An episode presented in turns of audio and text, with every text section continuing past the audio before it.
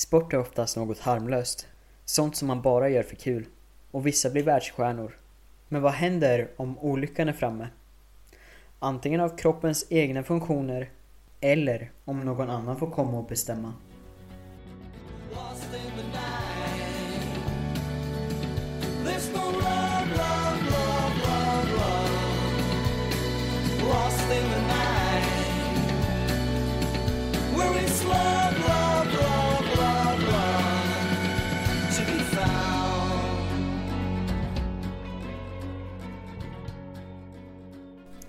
Hej och välkommen till ett nytt avsnitt av Lägerelden.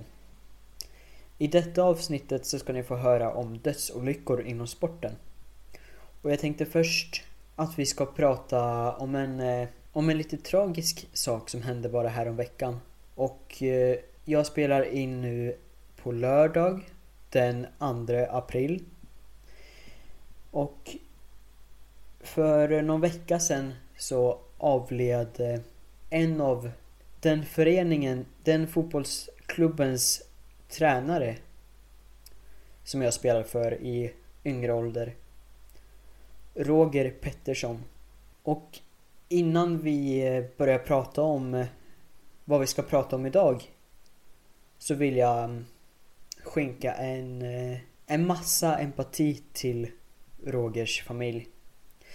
Jag är själv uppväxt med Roger just för jag kommer från en by som heter Enånger. Och i Enånger så har vi någonting som kallas för Fågelhällan. Vilket är en skidbacke. Och om vintrarna så tog Roger hand om backen. Och han hjälpte så här upp med... Han hjälpte oss i liften och så. Så det är som jag sa. Han var en väldigt nära person till mig som för någon vecka sedan avled. Så jag tänker så här. Innan vi börjar podden så ska vi ha en tyst minut för Roger. Och sen så uh, tycker jag att vi kör igång. Men innan vi tar den, den tysta minuten så vill jag återigen säga tack Roger för allting. Och hoppas att du har det bra på andra sidan. Men nu, nu kör vi den tysta minuten.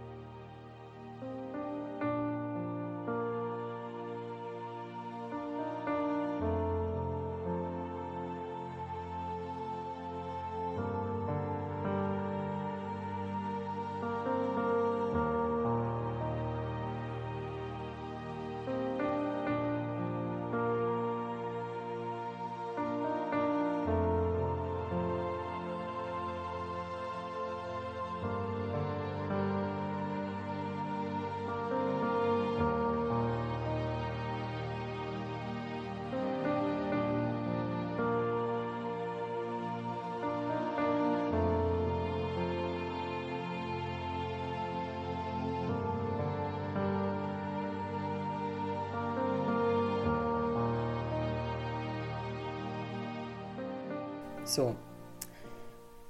Men det vi ska prata om idag det är som sagt om dödsolyckor inom sporten. Och jag tänkte först att jag ska läsa, läsa upp korta olyckor såsom skidolyckor och fotbollsspelare som kollapsat på planen. Så vi börjar på vår svenska sida där vi har Jonathan Johansson och Matilda Rappaport.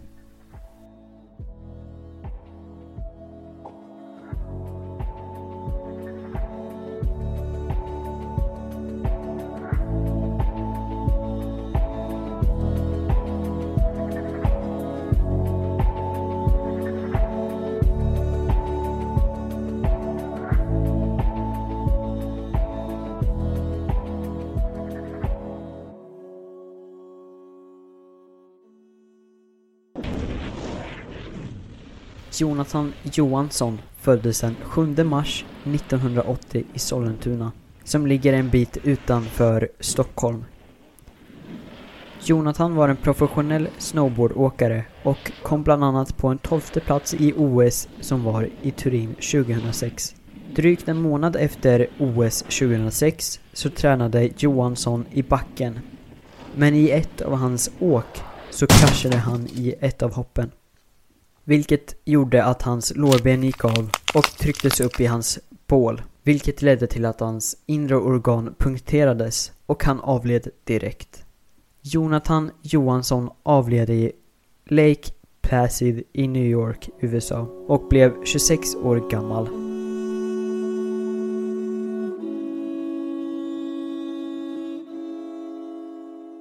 Matilda Rappaport föddes den 29 januari 1986 i Sveriges huvudstad Stockholm. Matilda var gift med den tidigare alpinåkaren Mattias Hargin men var även syster till Helena Rappaport samt brorsdotter till skådespelaren Alexandra Rappaport. Matilda vann bland annat Extreme Verbier i Freeride World Tour 2013. Men den 14 juli 2016 så kom en lavin under ett av Matildas åk. Hon föll, men hon lyckades inte utlösa sin airbag.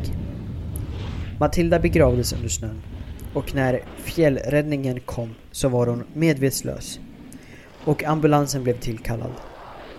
En helikopter anlände och tog henne till ett sjukhus i Chile. Fyra dagar senare avled hon av sina skador på sjukhuset. På sjukhuset så fanns hennes mor och man vid hennes sida. Matilda blev 30 år gammal.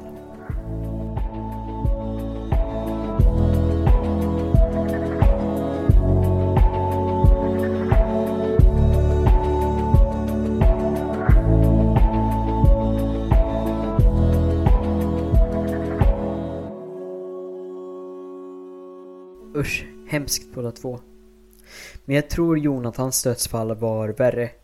Jag kan tänka mig den smärtan han kände innan han avled. Om jag både tror och hoppas att det gick väldigt snabbt. Men samtidigt får vi inte glömma Matildas öde. Och den klaustrofobiska känslan innan hon tappade medvetandet. Men nu ska jag berätta om den ungerska fotbollsspelaren Miklos Fer som avled under en match med sitt lag SL Benfica. Miklos Fer var som tidigare sagt född i Ungern och föddes den 20 juli 1979. Miklos började sin karriär i Györ Eto FC och spelade där i tre år. På dessa tre år så gjorde han 23 mål på 62 matcher. 1998 så köpte den portugisiska klubben FC Porto honom. Dock blev den flytten inte så lyckad. Då han endast gjorde ett mål på 10 matcher under två år. Han blev sedan utlånad till SC Salgueros. Där blev lyckan bättre. Han gjorde då 5 mål på 14 matcher. Efter den säsongen så lånade även Sporting Braga honom. Där gjorde han 14 mål på 26 matcher. Säsongen därefter så kom han tillbaka till FC Porto. Och där gjorde han ett mål på tre matcher.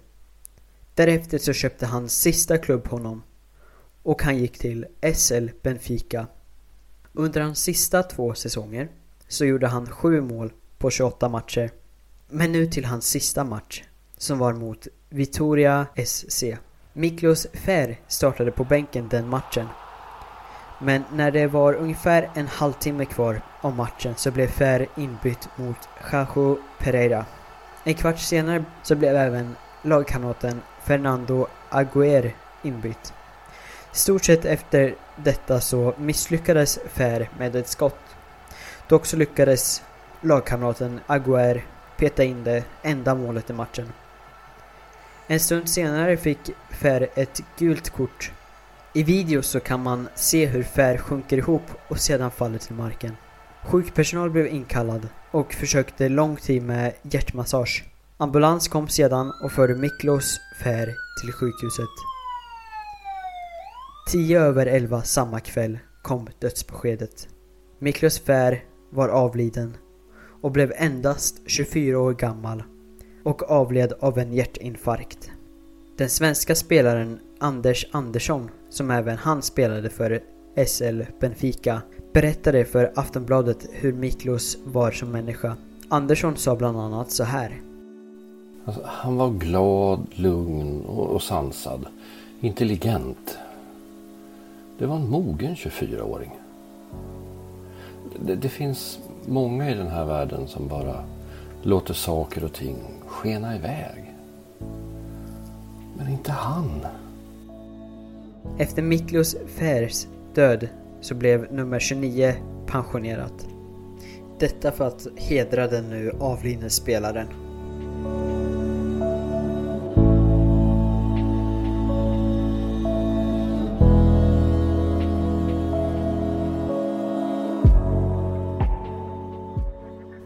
Tragiskt dödsfall. Men jag tror även på Anders Anderssons ord om hur Miklos var som människa. Han verkade vara som en hedlig man. Men jag vill även tacka Johan Roman för att du spelade Anders Andersson. Men nu tänkte jag även ta upp mordet av Andres Escobar.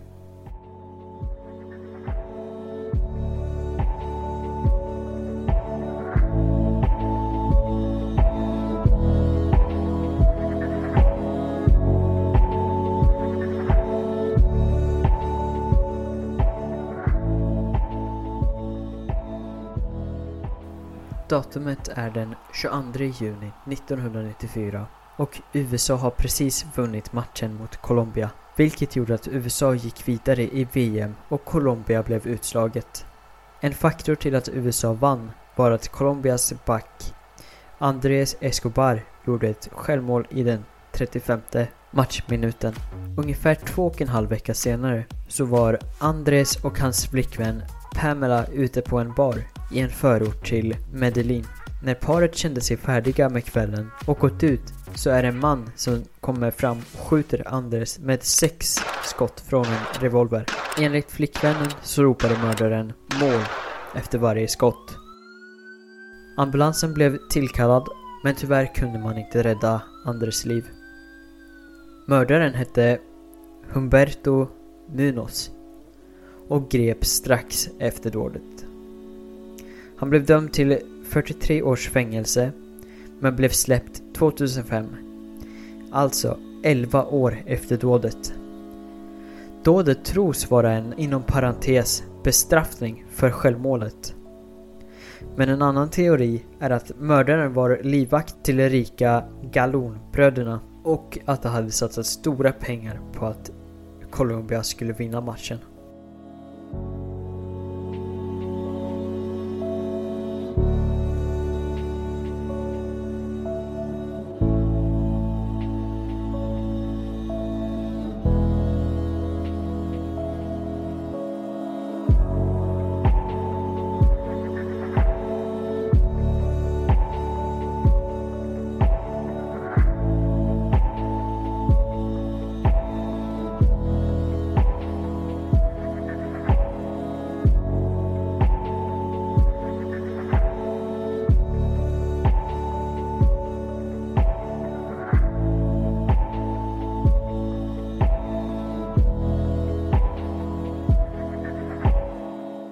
Det är hemskt när en sport går så långt till mord. Men innan vi går vidare till nästa segment av podden så vill jag läsa upp lite namn på fotbollsspelare som har avlidit i olyckor. Och vi börjar med den tjeckiske anfallaren Josef Sural som avled i Turkiet efter att ha varit i en minibuss med sex andra spelare som skadades svårt. Men Josef var den enda som avled Josef Sural avled den 29 april 2019 och blev 28 år. Det är alltså en månad innan hans 29 födelsedag. José Antonio Reyes avled som 35-åring i en trafikolycka 2019. Han körde sin Mercedes i ungefär 200 km i timmen. José representerade lag såsom Sevilla, Arsenal, Real Madrid och Atletico Madrid. Sedan vår sista spelare för detta segment är den 18-årige mittfältaren Paul Enchio som spelade för division 1-laget Assyrianska FF. Paul var med i en trafikolycka i Södertälje. Men nu är vi färdiga med fotbollen och vi går in i poddens sista segment som kommer att handla om Stefan Liv. Och det är Maximilian Johnson som berättar om det.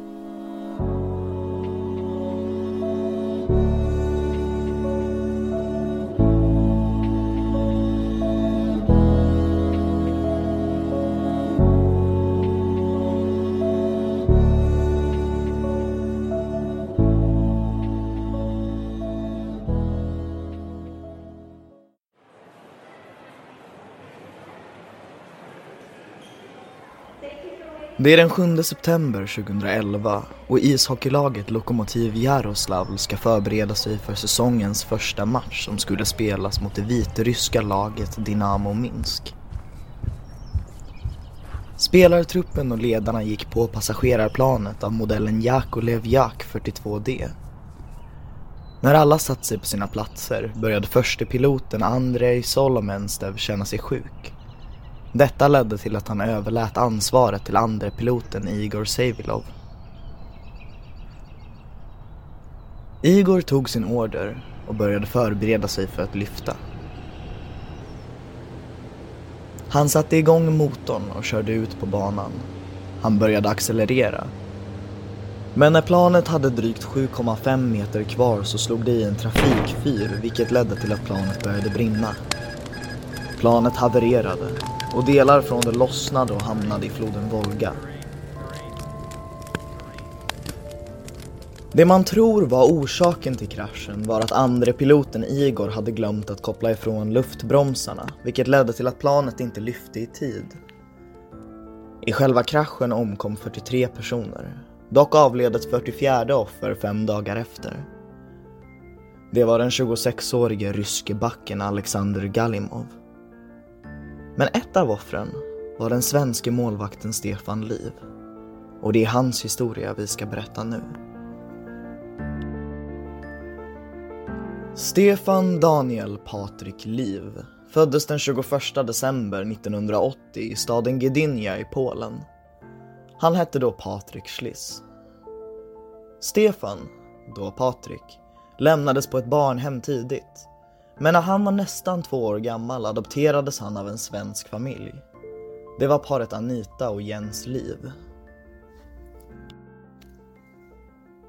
Han flyttade in med familjen som var bosatt i Norra Hammar som ligger strax utanför Jönköping, Småland. Det var då familjen döpte honom till Stefan. I tidig ålder intresserades Stefan av ishockey och började spela för Norra Hammarklubben HC Dalen. Han blev snabbt en målvaktstalang och värvades av HV71 1999 då han var 19 år. Han blev även en startspelare där. Han hade en framgångsrik tid i HV med meriter såsom att han spelade VM 2002 då de fick brons och sedan 2004 igen då de fick silver. Under HV71-tiden så blev han också draftad av NHL-laget Detroit Red Wings år 2000 och i maj 2006 skrev Liv på för Detroit Red Wings. Dock hamnade han i deras farmarlag, Grand Rapids Griffins, som tillhör ligan AHL. Stefan blev dock upptagen i NHL-klubben redan den 17 november samma år och slog sig in på en andra målvaktsposition. Men blev återigen nedtagen i AHL-laget igen den 26 november för att spela mot Houston Arios. Två dagar efter matchen blev han dock utlånad till Toledo Storm i ECHL-ligan, vilket är en mellannivå i Nordamerika. Men han blev snart återkallad till Grand Rapids. Dock blev det ingen förlängning efter säsongen 2006-2007. Detta var en tuff tid i Stefans karriär. Men han hade det inte endast tufft. Han hade en uppgång också, där han var en av få som vann både OS och VM samma år. När Stefan och Detroit Red Wings sen gick skilda vägar så skrev han på igen för HB71 och plötsligt var en av legenderna tillbaka i klubben. Stefan Liv var tillbaka i klubben och han gick in som första målvakt igen. Han blev återigen uttagen till Sveriges landslag 2009 men 2010 gick Liv vidare till den ryska klubben HK Sibir Novosibirisk. Men sen gick han till sin sista klubb som var den ryska klubben Lokomotiv Jaroslavl. Och nu till början av historien. Stefan Liv avled i flygkraschen, vilket kom som en chock för hans familj. Men även för Sverige. Aftonbladet rapporterade om tragedin och då lät det så här. Det ryska ishockeylaget Lokomotiv utplånades i en flygolycka i hemstaden Jaroslav på onsdagen. Bland de 43 personer som omkom i olyckan finns den svenske ishockeymålvakten Stefan Liv. Laget skulle lyfta till Minsk i Vitryssland för en match. Men när planet nådde slutet av den 3 kilometer långa startbanan lyckades piloterna inte få upp planet på säker höjd utan flög rakt in i en mast och kraschade.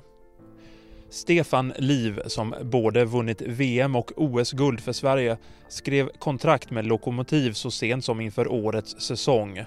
På torsdag skulle han spela sin första tävlingsmatch för klubben. Stefan Liv hade en händelserik karriär och lämnade efter sig sin fru Anna Liv och barnen Herman och Harry.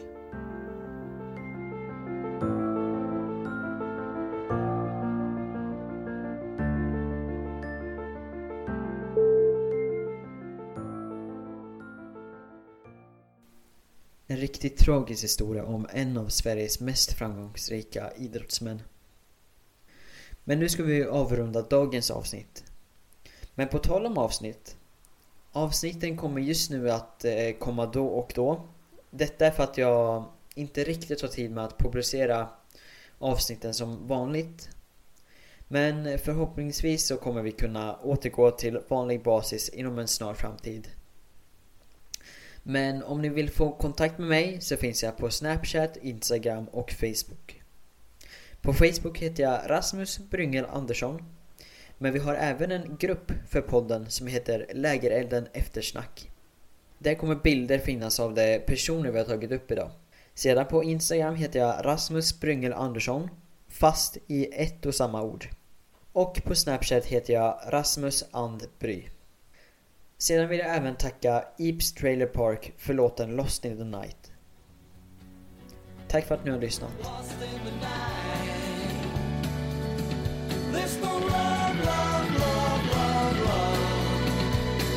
lost in the night. Where is love, love?